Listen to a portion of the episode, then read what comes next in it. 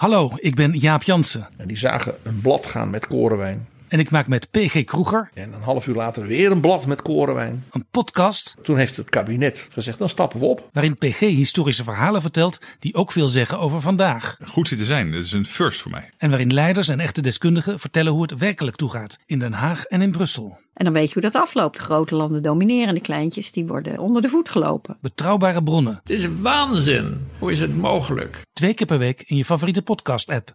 Deze podcast is 100% expertisevrij en alleen geschikt voor amusementsdoeleinden. De inhoud mag dus niet worden beschouwd als financieel advies. Dit is Jong Beleggen, de podcast. Ik ben Milou. En ik ben Pim. In deze aflevering een kijk in een parallele wereld, China. Ja, het is belangrijk om als belegger te weten wat er gaande is. Ja, en we hebben het over industrieën die een beetje op ons voorlopen. Digital, e-commerce, de auto-industrie en duurzaamheid. Ja, en bedrijven zoals Temu, NIO, Alibaba, BYD. En onze gast is John Lin, eh, China-expert. Hij weet er alles vanaf. Komt er zelf ook regelmatig. En ja, Pim, ik denk toch dat we moeten gaan concluderen dat we wel echt een beetje achterlopen hier. Ja, en des te belangrijker dat je ook vanuit risicomanagement daarnaar kijkt. Nou, daar gaan we.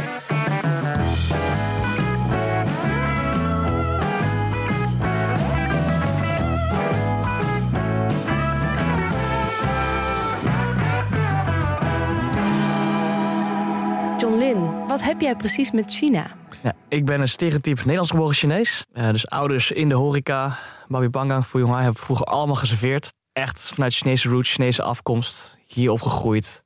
Eh, hier hebben bedrijven gaan werken, eh, belegd met oma duo geld. Ja, je bent ook belegger. Ja, ja dus eh, Met leeg. oma duo geld, wacht even, dat, is, dat mag niet. Dat weten wij heel goed hier.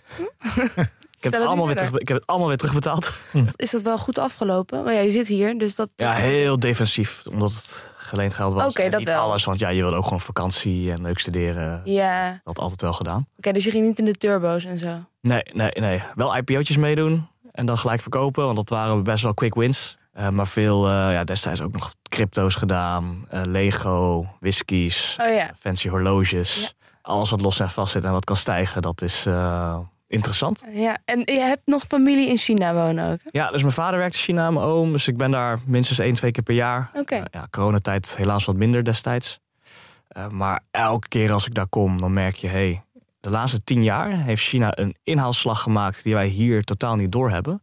En op het gebied van digital en technologie lopen ze nu 10, 15 jaar voor. Nou ja, ik zat even door jouw LinkedIn te scrollen. En wat je dan ziet, daar valt eigenlijk je mond een beetje van open. Vliegende auto's, eh, pakketjes die met drones bezorgd worden. Het is echt alsof je een soort van een blik een beetje in de toekomst... of in ieder geval een hele parallele wereld hebt. Maar het idee is wel een beetje dat China nogal op ons voorloopt... op veel verschillende vlakken. Ja, dat is heel interessant. Ik ben op een gegeven moment bij Bol.com gaan werken, zes jaar als strateeg. En dan ben je bezig met, hey, waar moet dat bedrijf over vijf en tien jaar heen staan? Hoe moet het samenwerken met de rest van de aanhodgroep? En ja, ik was de gekke Chinees en de junior in het team met... we kijken te veel naar Amerika. We moeten zoveel meer naar China gaan kijken. Ja. Eh, en dat Want- wilden mensen niet geloven eigenlijk in het begin. Want ze lopen dus ja, op ons voor. Nou, Europa is altijd een beetje het sukkeltje van de klas, heb ik het idee. Eh, Verenigde Staten lopen natuurlijk op ons al voor. Maar zij lopen zelfs op de Verenigde Staten voor. Ja, en je ziet nu dat de Verenigde Staten eigenlijk China aan het kopiëren zijn. Dus Elon Musk wil van X een super app maken. Dat hebben ze in China echt al jaren en meerdere. Dus je ziet dat kopiegedrag nu van de Amerikanen, van de Amerikaanse techgiganten, naar de Chinese techgiganten. Dus dat beeld van China als de technologiejatter... dat begint eigenlijk een beetje te kantelen... waar we nu achter China aan moeten. Erger nog, dat is een beetje het jaren tachtig beeld dat we van China hadden, wat toen gewoon klopte. Inmiddels is dat niet meer zo. Beetje de fabriek van de wereld wordt het toen gezien. Het was de fabriek van de wereld. China had toen een lange termijn doel gezet. Nee, we willen ook ontwikkeling, design en creativiteit van de wereld gaan doen. Hebben ze flink geïnvesteerd. Dus nu auto's, eh, alles sowieso met digital te maken. Hoe social media zou moeten werken, hoe e-commerce zou moeten werken. China zet daar de toon voor. En wij stiekem kopiëren het wij het, alleen we hebben het niet door. Nou ja, goed, dit is ook een beetje waarom Pim en ik dachten dat we jou moesten uitnodigen. Want nou, het is belangrijk voor beleggers om te weten wat er in China gebeurt. Omdat China dus op steeds meer vlakken voorloopt. En dat wij daar achteraan moeten. Ja, en als je dat niet weet, dan ja, is het een stukje onbewust risico, ik Ja, ook, zeggen. dus- Ja, ook vanuit het risicomanagement willen we dit insteken. Een beetje in de gedachten van Charlie, Charlie Munger. invert. Invert, always invert. Ja. Eh, we hebben natuurlijk aflevering gemaakt over beleggen in eh, China. Maar we gaan het nu hebben China als grote concurrent. Dus hoe moet je dat meenemen eigenlijk in je fundamentele analyse? Eh, want er zijn gewoon een aantal industrieën waar China heel erg voorop loopt. En daar moet je denk ik heel erg mee uitkijken als je in westerse bedrijven belegt die in die industrieën zitten. De, dat er gewoon een hele grote concurrent is. En natuurlijk voor de bedrijven die in uh, China actief zijn. China wordt steeds meer nationalistisch. Dus er zal ook steeds meer geld gespendeerd worden aan lokale merken. Mm. En daar moet je denk ik heel erg voor oppassen als je, als, als je bedrijven te veel exposure naar China heeft. En, uh, maar... Maar, ja, ja, maar nationalistisch, want ze zijn toch ook juist uh, in Afrika heel actief. En uh, ook heel erg juist op het internationale vlak aan het acteren. Ja, dus wat je ziet is dat China weet dat zij nu de eerste fabriek van de wereld waren. En dat ze dat niet lang kunnen volhouden, want de, de vergrijzing, het lonen stijgen. Dus ze investeren heel veel in Afrika om dat de volgende fabriek te gaan maken. Mm. Uh, en als zij daar de invloed hebben, het zijn heel veel landjes met heel veel mensen ook. Als zij daar veel invloed hebben, dat is een plek waar eigenlijk Amerika en Europa geen invloed in hebben. Of, of relatief beperkt. Uh, dus dan hebben ze een groter deel van de wereld die ook naar hun kan gaan luisteren, met hun kan samenwerken. Ja. Waardoor ze een soort van tweede wereldorde gaan creëren. En een nieuwe markt ontwikkelen die hun producten kunnen afnemen. Heel slim. En uh, recent ben jij in China geweest. Kan je, kan je ons dus wat verhalen vertellen, wat ons meenemen in wat je daar allemaal hebt gezien? Ja, ik was afgelopen zomer daar nog. Ik ben vier jaar niet geweest daarvoor. Uh, en ik dacht, oh ja, als hier de lockdowns zijn geweest en ik, ik kom uit e-commerce, toen dacht ik, oké, okay, de digitalisering in Nederland, de achterstand zal kleiner zijn geworden. En ik kwam daar en ik schrok me helemaal kapot. Mijn oma kreeg vier pakketjes per dag. Oké, okay, dus hij weet hoe dat... oma? Ja, boven de, ruim boven de 80. Dus die bestelt alles online. Boodschappen, maaltijden, een kop thee, een bubble tea wordt gewoon thuis bezorgd. Wow. Hoe bereiken ze jouw oma, denk je? Want daar, daar begint het mee, toch? Dat je oma denkt van ik moet dit... Mijn oma is uh, zo tech-savvy dat, dat zij op haar iPhone uh, mij dingen kan uitleggen. Ja. Hoe je dingen daar doet. En is jouw oma een uitzondering? Zeker niet. Dus juist die hele oudere groep is heel digitaal inclusief. Al die uh, Chinese super-apps die hebben een soort van easy mode. Waarmee ouderen dus dat gemakkelijk kunnen gebruiken. Dus ook als je een beetje digibeet bent of analfabeet... dan wordt die app makkelijker om ja, toegankelijk te zijn voor dat soort groepen. Dus oma bestelt alles online. Haar appartementsgebouw, de deur gaat open met facial recognition. Ze betaalt alles met de telefoon. Ik kom aan op het vliegveld. Uh, zij bestelt een Didi, dus een Chinese Uber, voor mij. Hoef ik allemaal niet te doen. Mijn moeder heeft hier nog moeite mee met gewoon met de telefoon betalen. Nee, Dus ik vind het wonderlijk. Ga eigenlijk gewoon een keer naar China. Het is tegenwoordig makkelijker geworden. Je hebt uh, geen visum meer nodig als Nederlander. Ik las het. Ja, 15 dagen zonder visum kun je lekker heen en weer.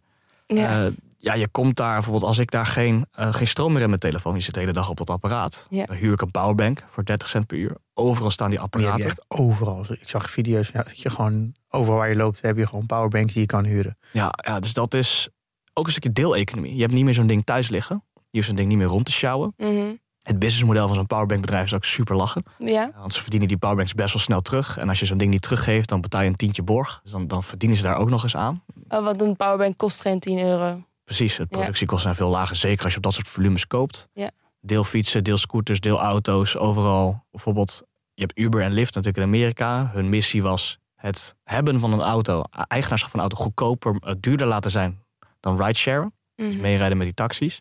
Nou, ik heb in China een Didi gepakt voor 400 meter. Dat kostte me nog geen 10, 20 cent. En een, een Didi is een? Chinese Uber. Oké. Ik, ik zag ook dat je, dat je dus via de app ook een, een bob kon inhuren. Dan komt hij op de fiets naar je toe. Dus als je gedronken hebt met een groep vrienden, eh karaoke hebt gedaan, dan kan je een, eh, een bob huren. En dan komt Oh, er een, Een designated op, driver. ja, dan komt er iemand op de fiets naar jou toe. En die doet dan zijn vouwfiets achterin en die, en die rijdt dan jou naar huis. Ja, ja, super chill als je daar even een avondje goed gegeten en gedronken hebt. Wat is het, eh, als jij daar rondloopt, wat denk je dan? In wat voor wereld ben ik terechtgekomen? Ja, ik vind het super chill. Want als ik terugkom, dan mis ik echt heel veel dingen. Ik Ja. vind het hier relatief saai dan. Eh, want er is daar los van al die tech en al die gave innovatie... er is daar veel meer te doen omdat je een hoge dichtheid hebt. Qua wat? Qua uit eten gaan, uitgaan, shoppen. Ook gewoon het werkleven. Het is, het is echt een andere cultuur. Mhm. Dat maakt het ook dat sommige diensten daar werken. Zo'n Bob on Demand werkt alleen als veel mensen het gebruiken... en er is een hoge dichtheid hebt. Dat, dat, dat lukt in Nederland gewoon niet. Omdat ook de kosten te hoog zijn. Eh, dat stuk van always on moet je van houden. En het stuk wat ze daar extreem gedigitaliseerd zijn. Dus elk klein groentewinkeltje of papa-mama winkeltje op de hoek van de straat is geconnected met het internet. Dus je kan een halve waterballon laten bezorgen. Nou, maar dit is toch eh, eh, wonderlijk als je ook bedenkt van hoe het er 50 jaar geleden voor stond. De ouders van mensen die nu bij de grote techbedrijven werken, die werkten nog bij wijze van spreken op het land in de, in de rijstvelden. Of nou, dat is misschien heel cliché om dat te zeggen, maar. Is wel zo. ja, ja dat, dat, dat het zo enorm snel is gegaan. En dat die, al die veranderingen waar wij nog tegen zitten van, oh, moeten we dat wel boodschappen bezorgen? En huh, weet ik niet. En Uber is ook helemaal niet goed voor de taxichauffeurs. Dat daar alles gewoon klats in één keer lijkt wel. Ja, het is zo mega, het is zo mega snel gegaan dat mensen gewend zijn aan die verandering. Dus in tien jaar tijd, uh, dus tien jaar geleden was het stukje online van offline retail bijvoorbeeld hier. In Nederland ongeveer 9%, Amerika 8%, China ook 7, 6%. En in tien jaar tijd, Amerika is naar 20, 25% gegroeid, Nederland ook nog weer naar 20%. En in China zit rond de 50%. Ja. Dus de helft van alles gaat online. En dat hebben ze in tien jaar tijd gedaan. Dus zij zijn exponentieel harder gegroeid dan wat wij hier kennen. En dan is verandering dus, hoe harder het gaat, is het blijkbaar misschien wel makkelijker om het, het is een gewoonte. aan te nemen. Veranderen is een gewoonte. Dat ja, en dat is, uh, ja, mijn oma zegt letterlijk van, eerst waren er geen stoplichten en de ene andere dag waren er stoplichten. oh ja, ineens moet ik me aan de regels gaan houden. Ja. Uh, daarna is het, oh, er is ineens een metro gekomen of een tram, dus ik kan makkelijker van A naar B. Oh, en ik kan nu boodschappen bezorgen. Oh, dat is super chill, hoef ik niet meer naar buiten, want ja, traplopen is best wel vervelend met mijn oude lichaam.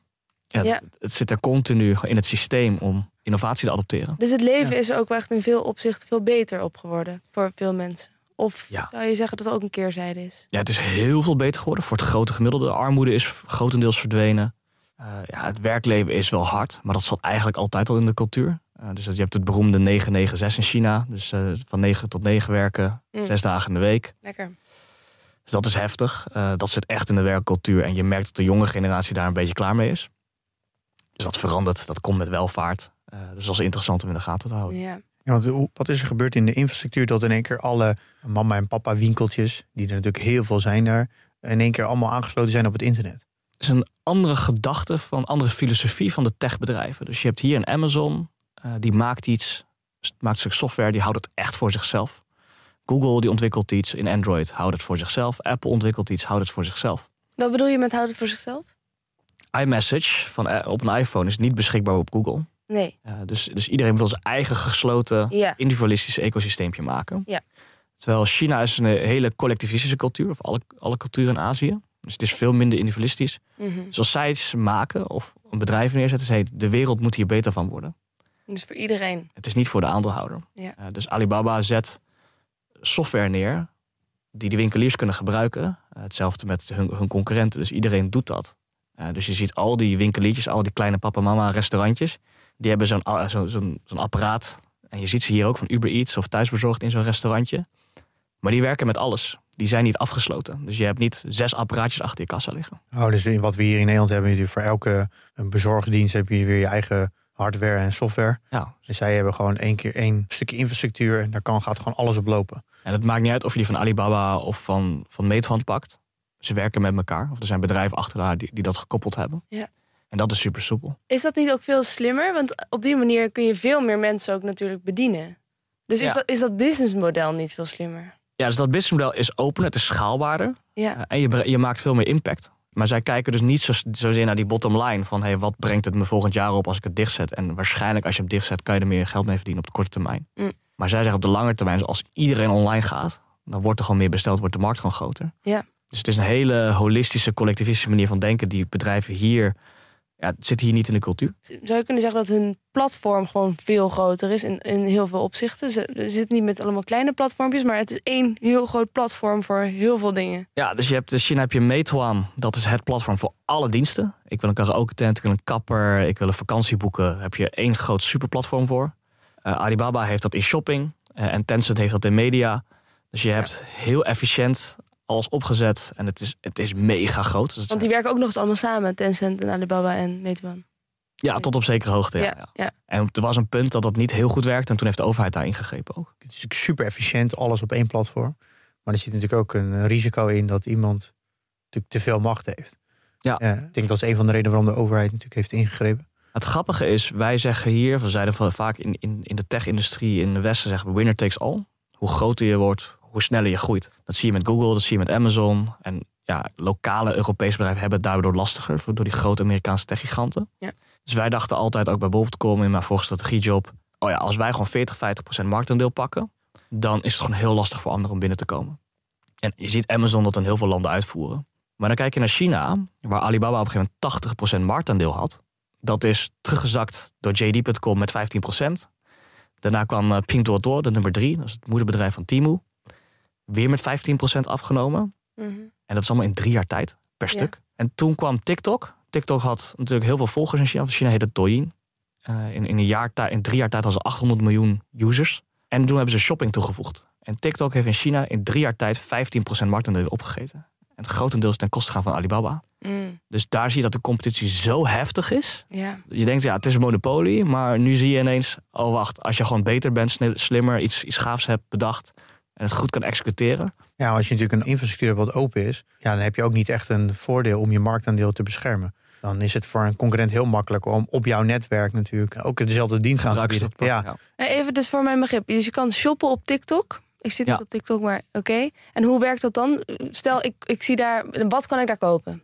Alles eigenlijk. Als een influencer of een, een, een bedrijf een Ja. filmpje laat zien of een plaatje van iets. Dan Ja. druk je op het knopje en dan heb je het gekocht. En het wordt van je rekening afgeschreven. En is dat dan... Dat is dan niet van TikTok, maar dat is dan bijvoorbeeld van Temu? Of... Eh, ja, maar dat een- kan direct van een Nike zijn. Oh, of van direct eh, van een- of oké. Louis Vuitton. Of, ja, zelfs de luxe merken zitten erop. Ik heb ook een filmpje op jouw LinkedIn gezien... dat er een vrouw allemaal spullen aan het verkopen is. Zij is een soort influencer Ja. en zij staat in beeld... en er komen allemaal dozen naar haar toe. Ze haalt het één seconde uit, ze stopt het weer terug, doos dicht, volgende doos. En zo laat ze echt binnen een minuut wel echt 30 producten zien. Of misschien wel meer. Ja, zij is helemaal viral gegaan in China. Want normaal wat influencers doen is, ja, ze laten dan eh, weet ik een lipstick zien en dan leggen ze er heel veel over uit en dan ben je drie, vier minuten verder voor één product. Een beetje telcel op steroïden. Mhm. En die vrouw dacht, of ja, daar zijn ze een heel team achter. Die dacht, hey, we kunnen we dit niet op een andere manier proberen? Eh, want we moeten aandacht trekken, want ja, je hebt miljoenen streamers. Dus die ging per, ja, per product, laat ze twee seconden zien. Ze noemt de prijs ja. En dan komt het volgende product. Dus een blouseje wordt zo hup, eruit getrokken en weer erin gestopt. En je denkt van, "Huh, wat voor blouse was dat? Maar dat is ook wel slim, want dan denk je juist van... hé, hey, was dat een mooi blouseje of moet ik die nog even ergens... Ja, je kan, en dat blouseje komt omhoog, komt onder gelijk een knop. Je kan hem gelijk bestellen. En Ja. al die producten waren er ja, onder de 2, 3 Een euro. theepot, een vergiet en weer een jasje. Allemaal impulsen aankopen. Ja. Eh, dus dat was, ja, ik heb zo'n interview van haar ook gezien. Dus ja, we hebben ingespeeld op de impulsgedrag van mensen. Dus we laten iets kort zien. Het kost bijna niks. Ja. Eh, dus mensen drukken lekker door. Ja. En nu heb je allemaal bedrijven die bij haar aankloppen. Wil je mijn product ook langs laten komen? Het is wel consumentisme on steroids, hè? Ook als je die dozen daar... Je hebt een ander filmpje op je LinkedIn. Ja, sorry, dit is de bron van, van, mijn, van al mijn kennis nu.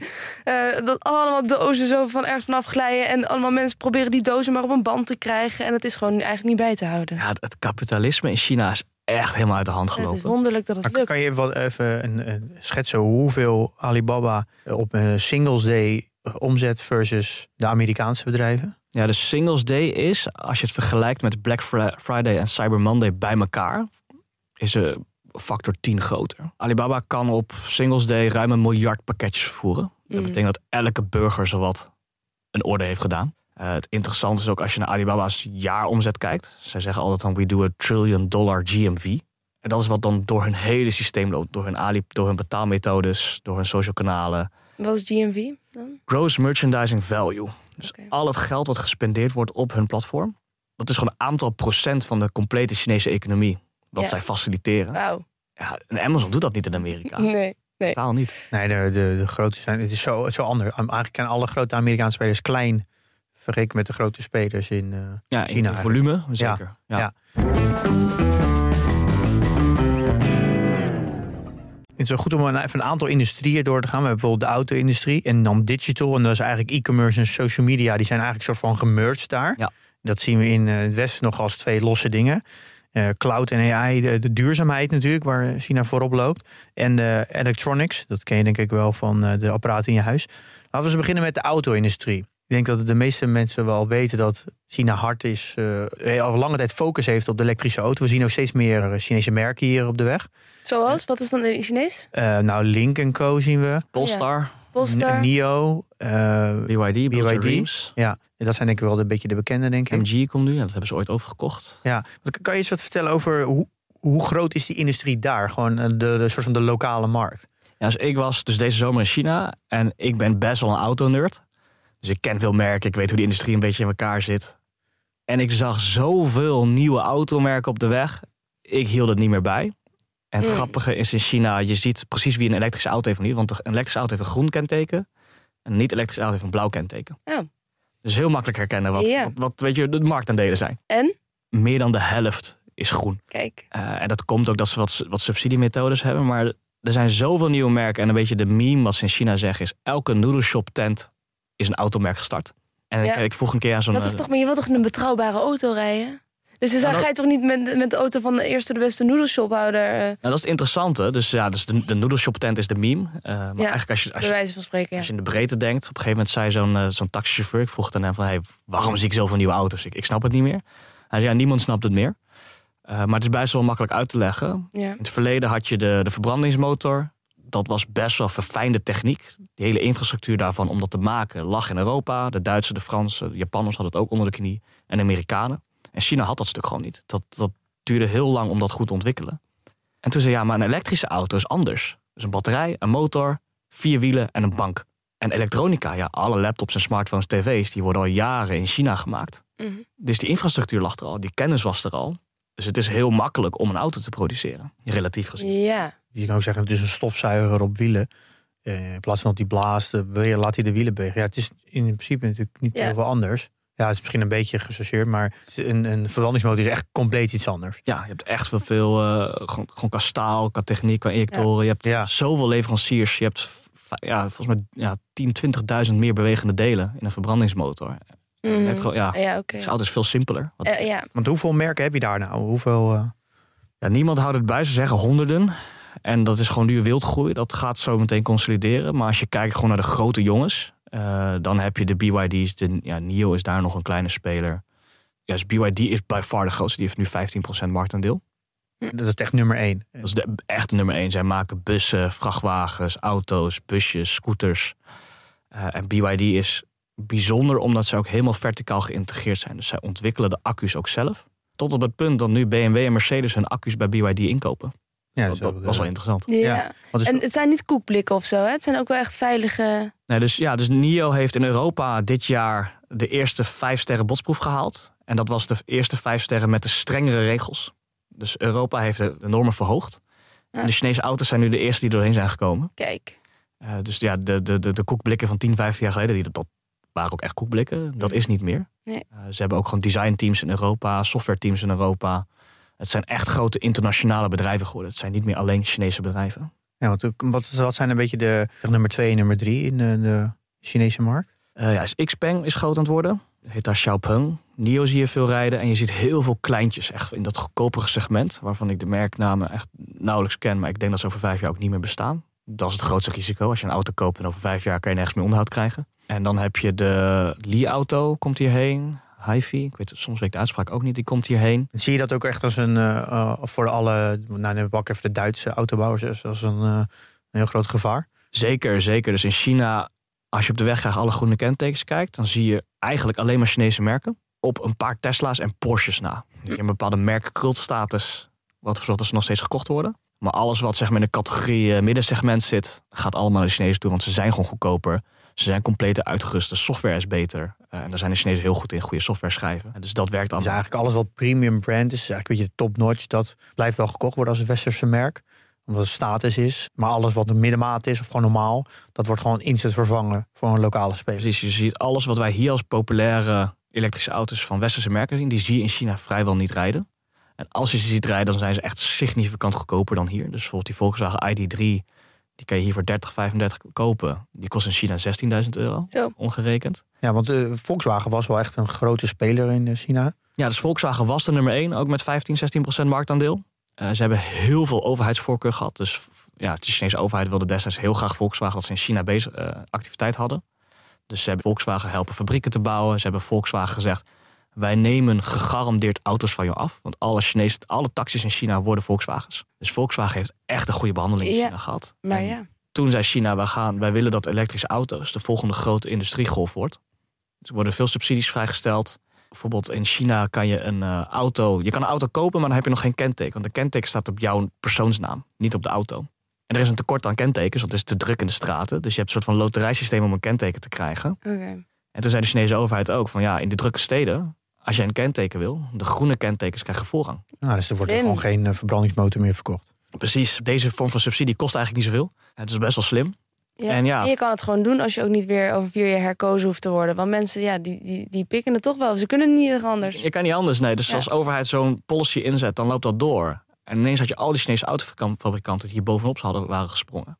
En eigenlijk hebben de westerse fabrikanten in China de boot gemist. Ja. Zij waren vier, vijf jaar te laat met hun elektrische modellen. Nou, dat is wel belangrijke informatie voor een belegger, lijkt Maar dus eigenlijk als je dus in een, in een Duitse autobouwer wil beleggen, dan kan je bijna wel zeggen dat eigenlijk al omzet wat uit China komt nu, nou dat gaat de, de komende tien jaar gewoon krimpen. Ja. Eh, en dan heb je dus ook nog in hun thuismarkt, dus even Europa, daar komen allemaal Chinese merken, die komen nu de Europese markt op. Dus die worden eigenlijk gewoon op alle fronten aangevallen. Klopt. En tien jaar is nog best wel lang misschien. Want als je naar China kijkt, dan heeft BYD in drie jaar tijd... Hadden zij, zijn zij van 3% marktaandeel naar 13% gegroeid. Dus ze hebben in drie jaar tijd Volkswagen van de, vanuit het niks van de troon gestoten. Dat is best wel kort. En dat is dus aan de ene kant komt dat door de overheid. Maar, en, en natuurlijk doordat de infrastructuur er voor de auto's daar al was. Maar het is een beetje een samenwerking van die twee. Wat eigenlijk een ideale cocktail is om heel snel iemand anders eigenlijk van de markt te duwen. Ja, dus de markt, dus de markt had die nieuwe generatie producten nodig. De oplaadinfrastructuur was er al. Ja. En de concurrentie heeft geen concurrerend product. Eh, BYD is trouwens ook niet volledig Chinees. Een van de eerder, eerste investeerders waren eh, Warren Buffett en Toyota. Hm. Eh, dus die hebben heel snel gezien... oh, er zit iets in BYD wat we, waar we mee aan moeten doen. Eh, ja. Ja, ik begreep in het eh, laatste, een van de laatste interviews van Charlie Munger dat hij in eh, BYD heeft geïnvesteerd omdat hij de, de founder een genie vindt. Hij vergeleek hem even met Elon Musk en hij zei dat, dat Elon Musk niks was vergeleken met de founder van BYD, omdat hij, ja, wat was nou ook, volgens mij ook veel meer eh, de ziel in het product kon leggen of zo, veel meer het sociale aspect kon, niet alleen de engineering kant. Ja, en dat, je ziet het verschil ook hoe Tesla en BYD opgebouwd zijn. Dus Tesla is best heel goed in het AI-software stuk. Ze ontwikkelen ook hun eigen chips voor hun auto's. Maar de rest van de auto is ingekocht. De batterijen komen van Panasonic. De ruitenwisserknop is van Mercedes. Het is, allemaal bij elkaar samengevoegd. En BYD koopt de commodity producten ook in. Maar de motor, de elektrische componenten, die aanstuurelektronica... de lithium mining doen ze allemaal zelf. En dat is natuurlijk wel een, ding van eh, de industrie daar. Daar is natuurlijk wat je al, al aan verticaal geïntegreerd. Waardoor je eigenlijk als speler buiten China eigenlijk altijd al een hogere kostenbasis hebt om wat je moet inkopen. dat Ja, inderdaad eh, Duitse autobouwers al batterijen moeten gaan inkopen bij BYD. Ja, dan is het bijna onmogelijk om... Een prijs te concurreren. Ja, dat gaat eigenlijk niet lukken. En het interessante wat je nu ziet is dat de Europese Unie de afgelopen maanden heeft gezegd: hey, wij gaan een anti-subsidieonderzoek doen op China, want we worden overspoeld met Chinese automerken hier. Ja, dat is een heel interessant gesprek.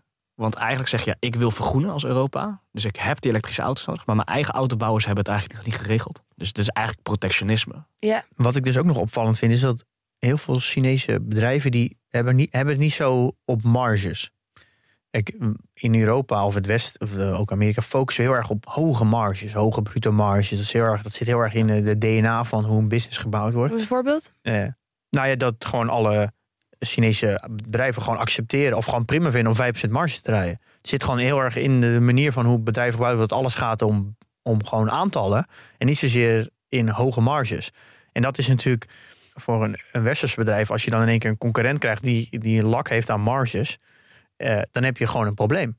Want dan kan je maar, eigenlijk maar één ding doen. En dat is ook je marges gaan verlagen als je mee wil in die competitie. En normaal als de kwaliteit hetzelfde is.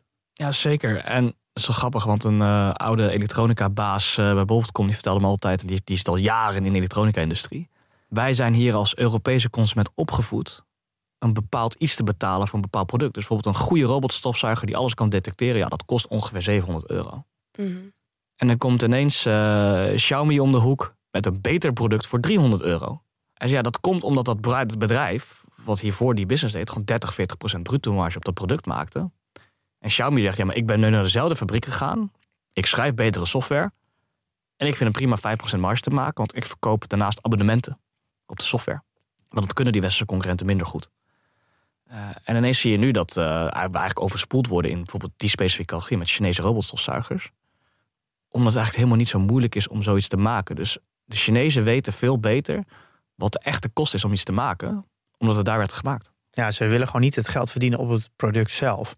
Het is meer, eh, meer om de aantal en, en het gebruik. Het is meer eigenlijk de, de, de, de tech-gedachte eigenlijk. Dat je het meer in de software zoekt, de abonnementen en in de data. In plaats van op de hardware. En dat krijg je eigenlijk als hardwareleverancier. Of het nou een auto is, of een tv, of een robotstofzuiger. krijg je daar gewoon problemen mee in, uh, in het Westen.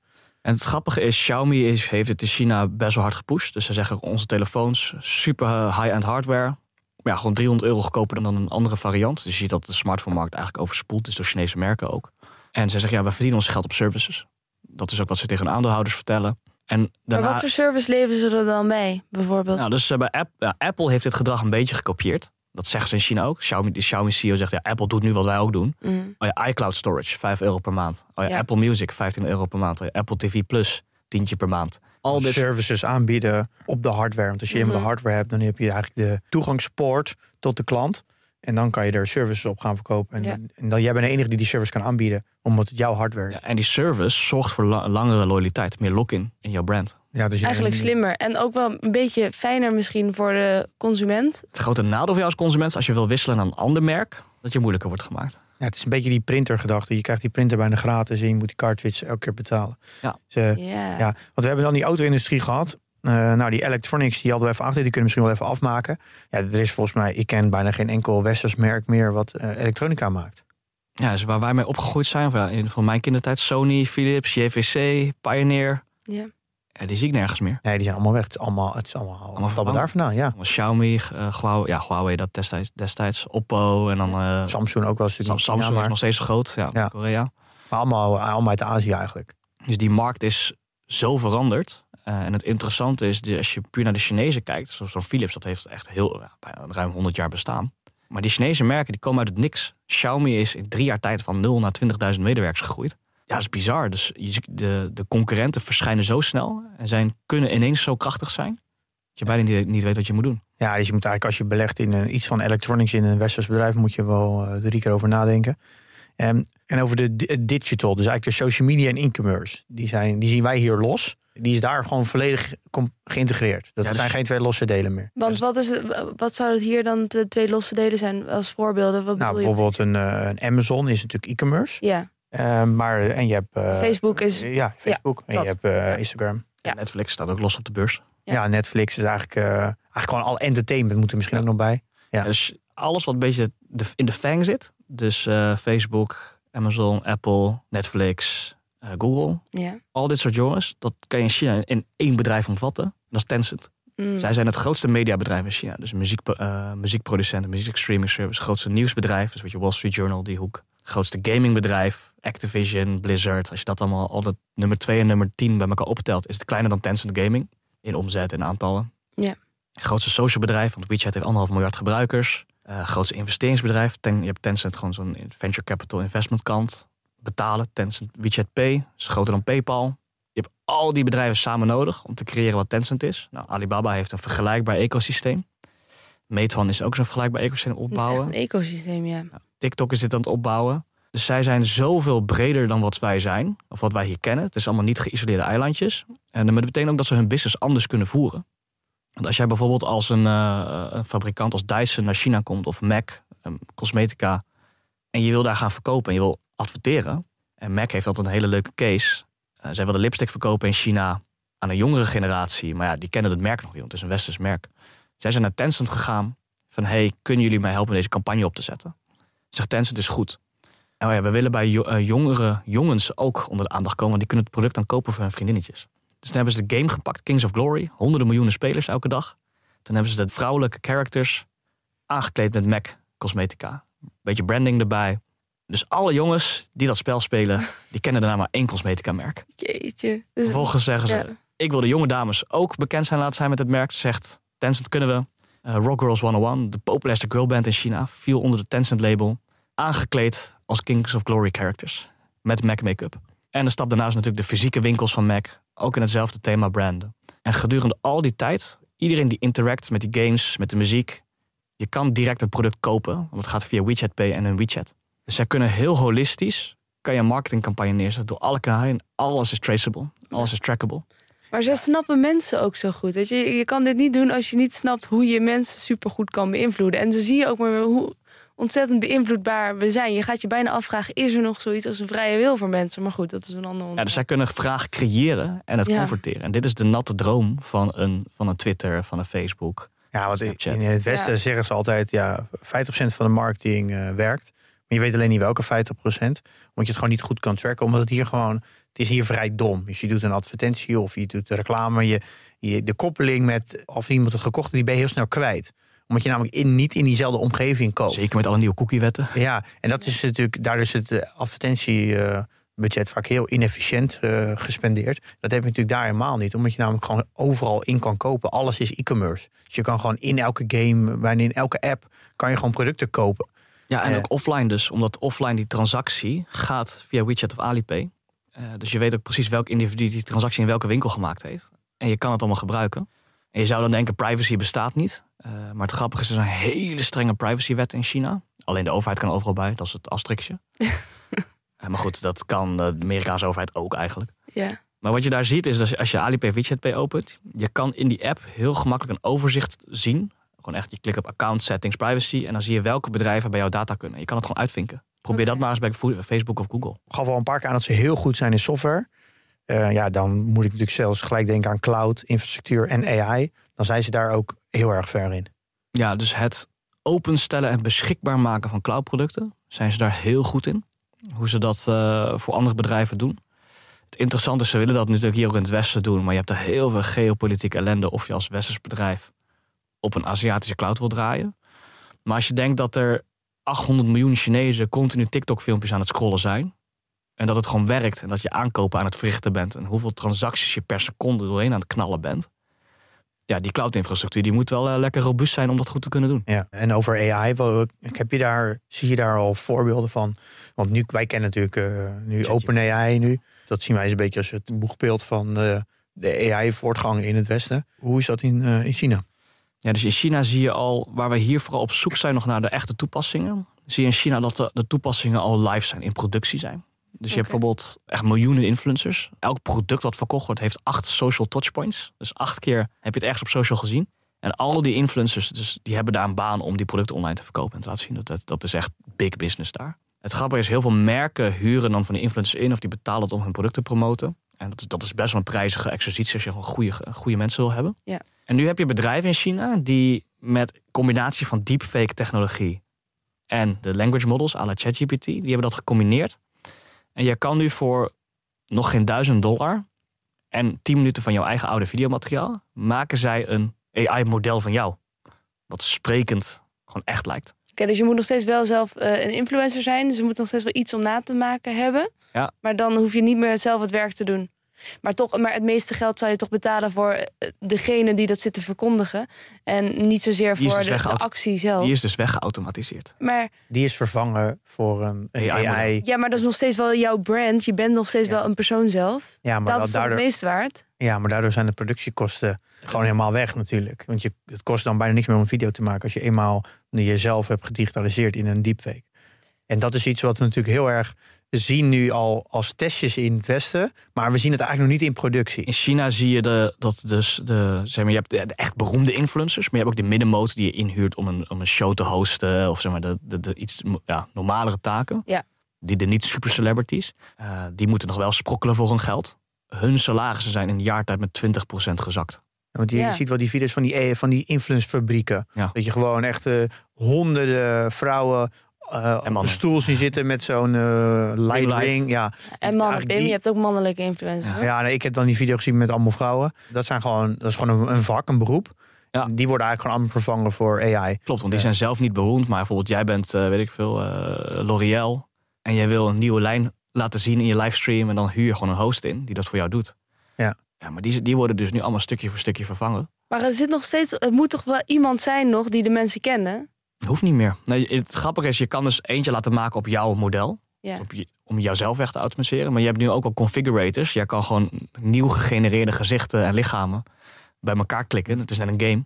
Ja, oké. Als het Maar heel nieuw iemand wordt, dan snap ik dat. Maar dan heb je ook de waarde weg van dat het iemand is die jij vet vindt, die jouw spullen zit aan te prijzen. Stel, ze maken iets van mij en ze gaan geautomatiseerde mij allemaal dingen laten verkopen. Dan wil ik nog wel de royalties, want dat ben ik.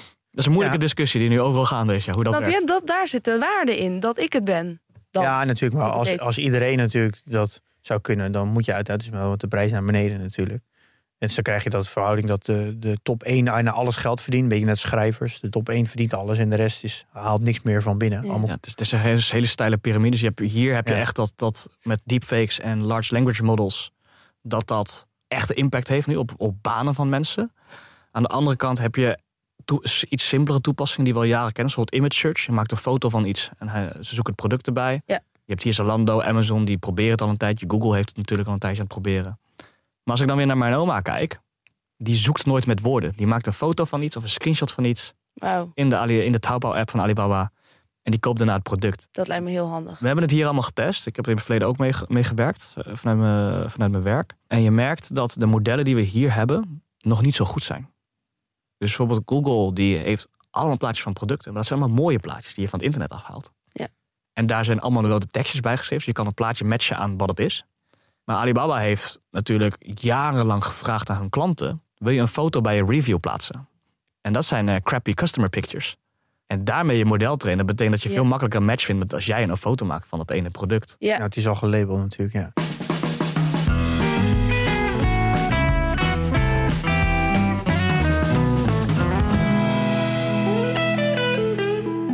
Wat zegt het voor jou als belegger als in tech? Nou, je, je merkt gewoon heel erg dat alles wat met, met AI te maken heeft en met e-commerce en social media, dat, dat ze daar gewoon veel verder voor hebben. Alle dingen waar wij een soort van over praten nu, over dat de deepfakes komen, dat je het af en toe een keer in het journaal hoort of zo.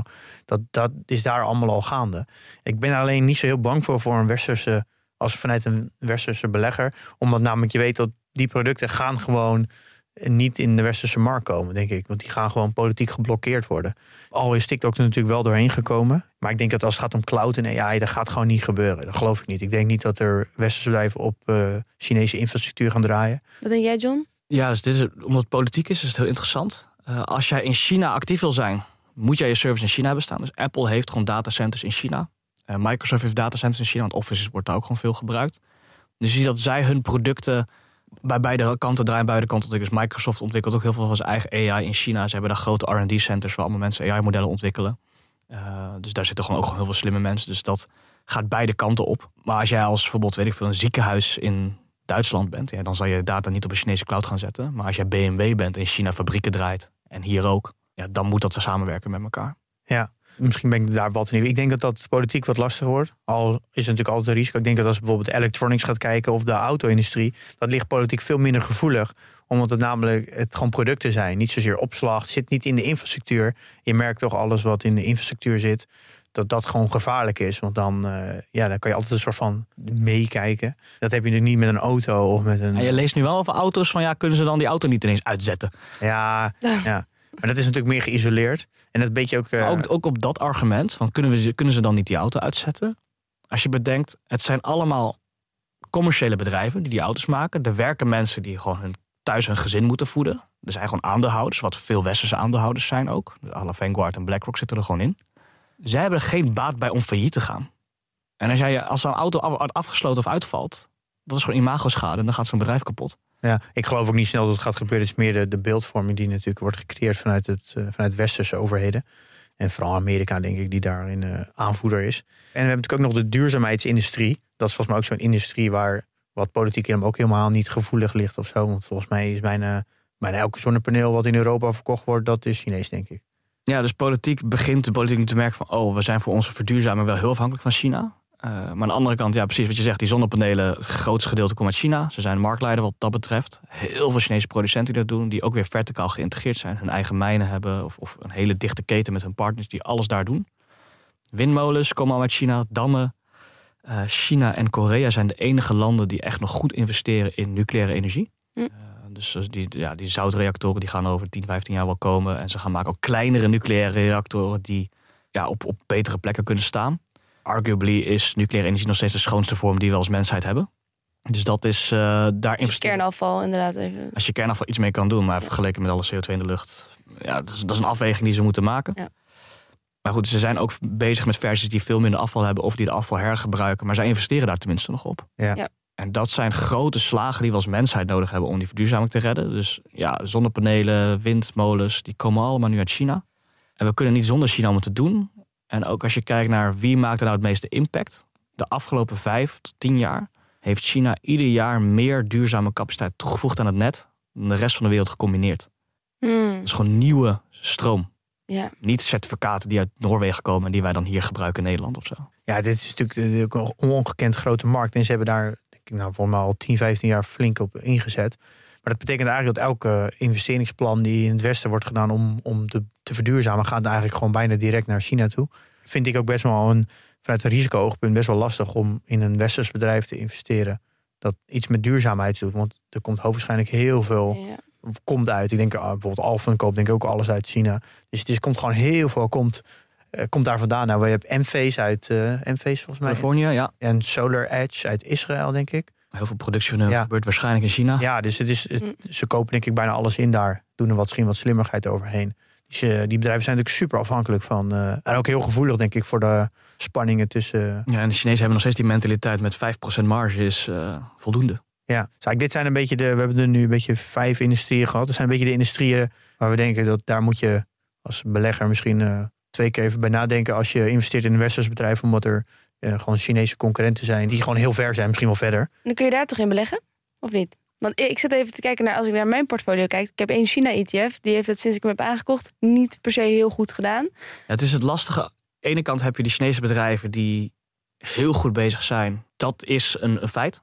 En wat- in de westerse media zie je gewoon weinig van wat zij doen. Maar als je dus in een westers bedrijf investeert in dezelfde categorie die je, waarvan je makkelijk een aandeel kan kopen of een ETF. Je moet gewoon vanuit het risicoperspectief weten wat er in China gebeurt. Mm. Je hoeft niet in die Chinezen te investeren. Maar snap dat Ja. als je in Meta investeert, dat TikTok om de hoek staat. Ja. Dat dat gewoon een grote concurrent is die in Amerika 150 miljoen gebruikers, de helft van de populatie in drie jaar heeft verzameld. Weet je, dat is, weet dat, dat zij bestaan. Weet als je nog in Volkswagen investeert dat een BYD bestaat. En dat zij in China Ja. in drie jaar tijd hun van de troon hebben gestolen. En jij, jij spreekt de taal, maar hoe, hoe kunnen wij op de hoogte blijven goed van wat er in China gebeurt? Je hebt heel veel websites die dit gewoon in het Engels. eh dus het South China Morning Post is gewoon een Engelse outlet die eh, dit soort dingen hier gewoon echt best wel neutraal nieuws over schrijft. En je ziet dat de westerse media zoals Bloomberg en Reuters het steeds meer oppakken. Dus dat is, dat is goed. Want er was altijd eh, zo'n, in een analyse, in de fundamentele analyse van nou, je moet altijd even een kopje meenemen Amazon. Dus eh, gaat Amazon ooit in die richting iets doen waar jij dan nu in wil beleggen? Want dan weet je gewoon zeker, dan, dan gaat het waarschijnlijk een slechte belegging zijn. Dus je zou ook wel kunnen zeggen dat. Sleep Amazon maar door en zet er China voor neer. Ja, maar ja, waarom niet? Omdat Ja. er, het is wel een soort van zwart gat voor de meeste beleggers. Om gewoon even twee te laten kijken, zitten daar bedrijven die mogelijk een concurrent gaan zijn? Want die, je ziet de cijfers vaak ook niet. In al die stockscreenings komen ze ook niet naar boven als concurrent. Eh, dus het is wel goed om daarop te letten. Ja, maar als je even googelt, dan vind je genoeg in het Engels. Als je Ja. zegt, ik google naar alle grote Chinese eh, wat, cloudbedrijven, dan krijg je gewoon een lijstje in het Engels. Mensen hebben dat geschreven, alleen de algoritmes en de media pakken het gewoon niet op. Want ik zag dat in eh, zo'n uit de Bloomberg Terminal dat ze de MSCI China eh, ETF dat die sinds 2016, eh zo 17 jaar, nog nooit zo goedkoop is geweest als nu. Dus het is een, eh, ja, je kan wel spreken dat er dus blijkbaar iets aan de hand is. Ze zijn historisch goedkoop, zeiden ze. Dus er zit een flinke onderwaardering in. Hm. Nou, dat merk je ook met je ETF, dat Ja. het rood is. Want het is eh, al tien jaar lang, eh, het heeft een negatief rendement. Ook de laatste vijf jaar, de laatste tien, welke periode je eigenlijk ook pakt. Eh, ja, wa- waarom zit er een, ja, gewoon eigenlijk een structurele onderwaardering? Ja, dus hier zit veel politieke invloed. Zeker sinds Trump en nu ook met Biden, die vanuit Amerika die anti, dat anti-China-beleid doorzetten. En het interessante daarvan is, het Westen is nog steeds mega rijk. No- Want als je gewoon ook China, geld van China en India bij elkaar optelt, het is volgens mij niet eens een vijfde van al het geld dat in, in het Westen beschikbaar is. En al die westerse institutionele beleggers, waar where the big money is, de verzekeringsfondsen, de, ja, de Vanguards, de BlackRocks, zij zijn aan het ja, tussen haakjes de-risken van China. Dus je hebt grote klanten die bij dat soort grote bedrijven die die ETF's bouwen met ja, ik wil minder exposure hebben aan China, juist omdat Amerika daar aan het terugtrekken is. En dan zie je ineens dat er minder groot geld naar die Chinese bedrijven kan vloeien, omdat die producten er niet zijn. En dan krijg je dus ja, minder vraag naar die Chinese producten, waardoor de waardering lager wordt. Wat, wat mij ook opviel, en dat, hebben, dat was ook, we hebben een aflevering over Japan gemaakt. Dat was, viel mij daar ook op dat bedrijven daar heel veel cash hebben. En dat zie ik dus ook steeds meer bij Chinese bedrijven. Dus, eh, wat is de relatie met eh, cash en eh, Chinezen? Ja, Save a Rainy Day Fund. En dat hebben we zeker gemerkt met COVID. Eh, ja, in- onze restaurants misschien zit er ook gewoon veel cash. Maar ja, dan kan je dat soort periodes overleven. Je kan, je kan investeren. Eh, dus daar is het al- altijd dat bufferen. En het zit ook heel erg in de Chinese cultuur eh, om veel cash te hebben of veel huizen. Uh, dus dan, ja, de, de, het investeren in vastgoed is het enige wat de Chinese belegger eigenlijk kan doen. Want de aandelenmarkt is nog niet open voor de gemiddelde retail investor. Gaat het wel veranderen? Dat is langzaam aan het veranderen. Dus de overheid zet de deur stukje voor stukje open. En als dat gebeurt, lijkt me heel interessant om te zien waar de Chinezen dan in gaan investeren. Gaan ze dan in Alibaba gooien of gaan ze dan in Amazon gooien? Ja, dus gaan ze een lokale markt of meer de westerse markt. Ja. En de Chinese overheid is niet dom. Die zal natuurlijk de eerste Chinese aandelen openzetten voor de lokale markt. Ja, ja. Maar, dus, maar de, de gedachte, er leeft heel erg een gedachte als mensen, als ik dan lees over Alibaba. Ja, ze hebben 45% eh, cash van hun market cap. Oh, dat kunnen ze, dat gaan ze gewoon aan, aan aandeelhouders uitkeren of aandelen inkopen. Een beetje met de gedachte, oh, het wordt wel gerund als een Amerikaans bedrijf. Cash moet je niet hebben, want dan kan een gek wat mee doen. Dus dat moet zo snel mogelijk weg. Maar dat, ja, die gedachte, die, er zijn westerse beleggers ook helemaal stuk gelopen in Japan. Er is de afgelopen twintig jaar gewoon niks gebeurd met die cash.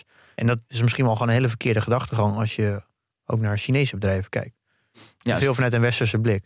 Ja, zeker. Want die Chinese bedrijven hebben veel langere termijnvisies. Zeker ook in de start-up fase zie je gewoon, ja, ik, wil, ik ga de komende tien jaar geen winst maken.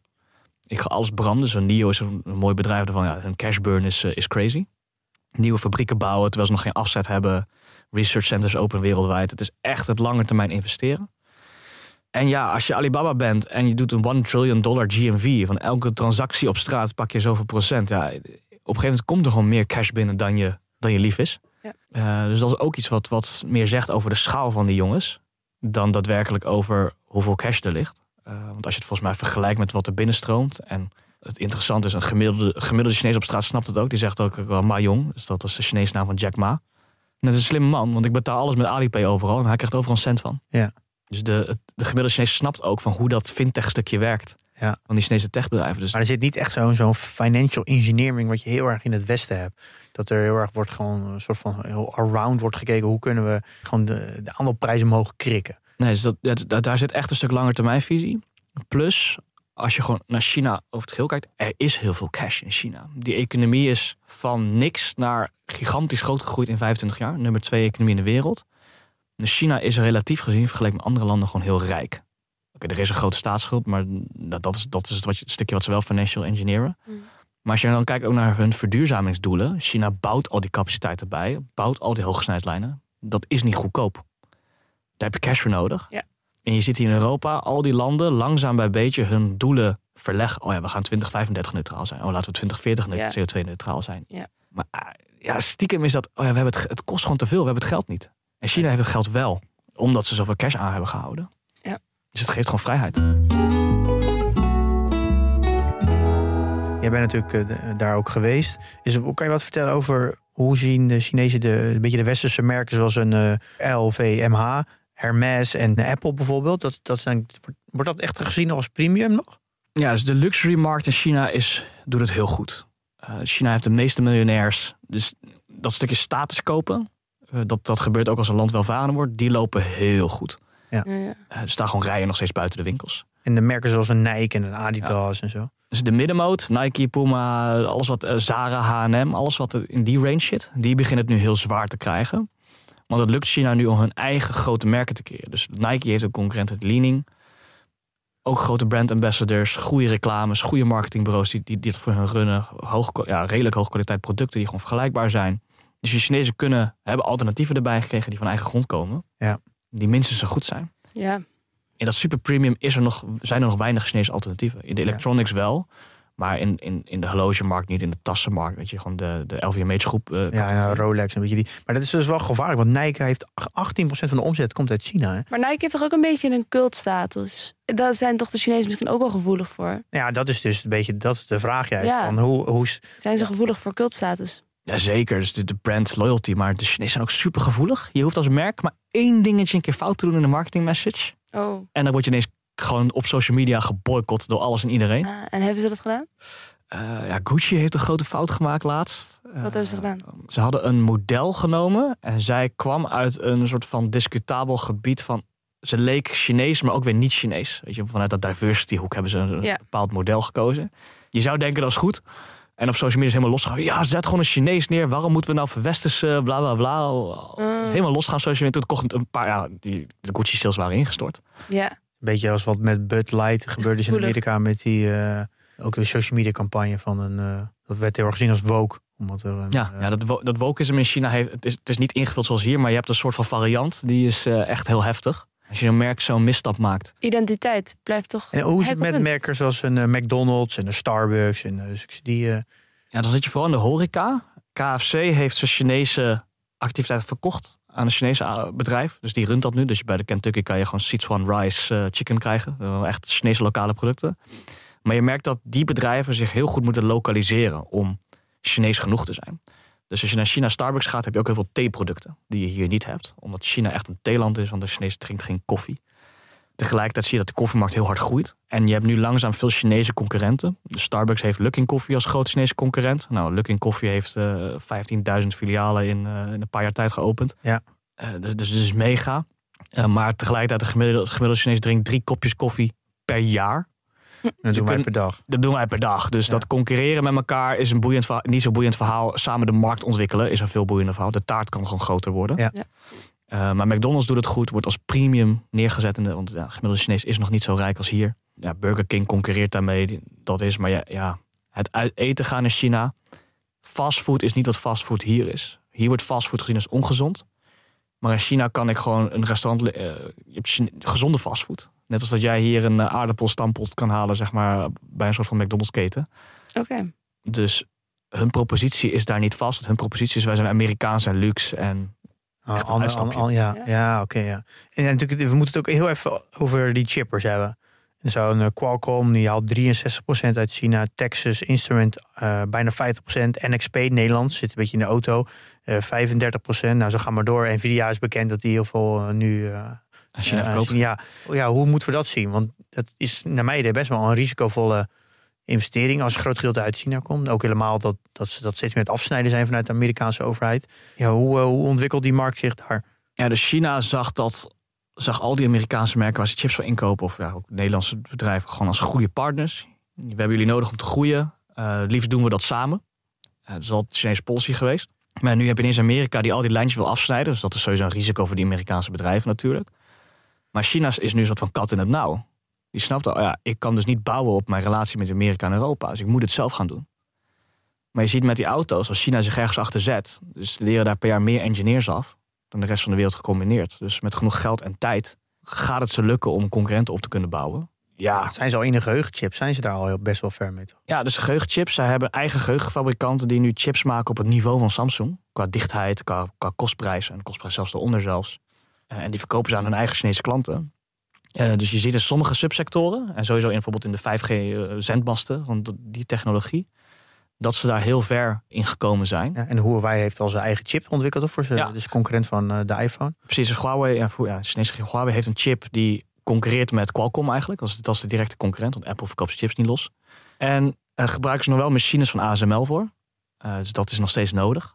Maar ze hebben geen TSMC meer nodig. Ja, kijk, dat is, al, eh, dat is eigenlijk de, de chipbakker in de wereld. Ja. Van, eh, ja, in de wereld nu nog, ja. Precies, dus Ja. ze hebben geen TSMC meer nodig om die 7 nanometer chip te maken. Nog kleiner lukt ze nog niet, want dan hebben ze die nieuwe machines van ASML nodig die ze niet kunnen krijgen. Ja. Eh, maar goed, Japan heeft nu een concurrerende machine gemaakt. Dus misschien dat Japan wel gaat uitleveren aan China. Eh, dus daar zie je lastig dringen. Maar China ontwikkelt nu zelf, probeert die machines ook te ontwikkelen. Dat is natuurlijk echt topsport. Ja, Dat is heel lastig. Eh, elke vijf jaar. Wanneer is de volgende vijfjaarplan? Eh, wanneer wordt dat gepresenteerd? Over twee, drie jaar als het goed is. Ja, want het, eh, ik kan me nog herinneren dat Ties Dams is hier langs geweest. Ik denk 2021. Ja. was gepresenteerd net. Ja. Ja, zes, dan zou het 2026 zijn, denk ik dan. Dus het zou zomaar kunnen dat in het eh, nieuwe vijfjarenplan staat... dat ze gewoon een, een eigen ASML willen hebben. Eigen chipindustrie, ja, Ja, dat willen ze nu al. Dus als Ja. je nu kijkt naar de financing die erheen gaat, die is echt, eh, echt extreem. En ook gewoon hoe, als China zoiets doet, dan gaan ze ook gewoon engineers uit de hele wereld overtrekken. Want ze hebben de cash. Ja. Ja, ze kunnen het betalen. En dat is Ja. belangrijk. Ik denk dat we echt wel rekening gaan moeten gaan houden als westerse belegger... dat China gewoon wel echt een... eh, in, vooral in bepaalde sectoren echt... eh, Ja, Ja. weet wat er speelt. Ja. Ja. Nou, ik denk dat we dat wel kunnen concluderen Ja. inderdaad. Ja. eh, blijft wel moeilijk, vind ik hoor, als westerse belegger... om daar echt goed grip op te hebben van wat daar nou allemaal speelt. We, we nodigen John Lind nog wel een keer uit. Ja, leuk. moeten we een keer naartoe. Ja. nu kan het. Nee, echt waanzinnig interessant eh, om naar te kijken. Sowieso eh, ga ook op jouw LinkedIn kijken. Daar zie je al die filmpjes en dan krijg je al een beetje een beeld. Dat je denkt van wat is hier aan de hand? Welke wereld is dit? Nou jongens, dat is dus gewoon onze wereld. Dat is gewoon China. Dankjewel, John Lin, dat Ja, je hier wilde zijn. We hebben veel van je geleerd. Ehm, en dan wil ik graag afsluiten met de woorden. Investeer in je kennis over China en beleg met beleid.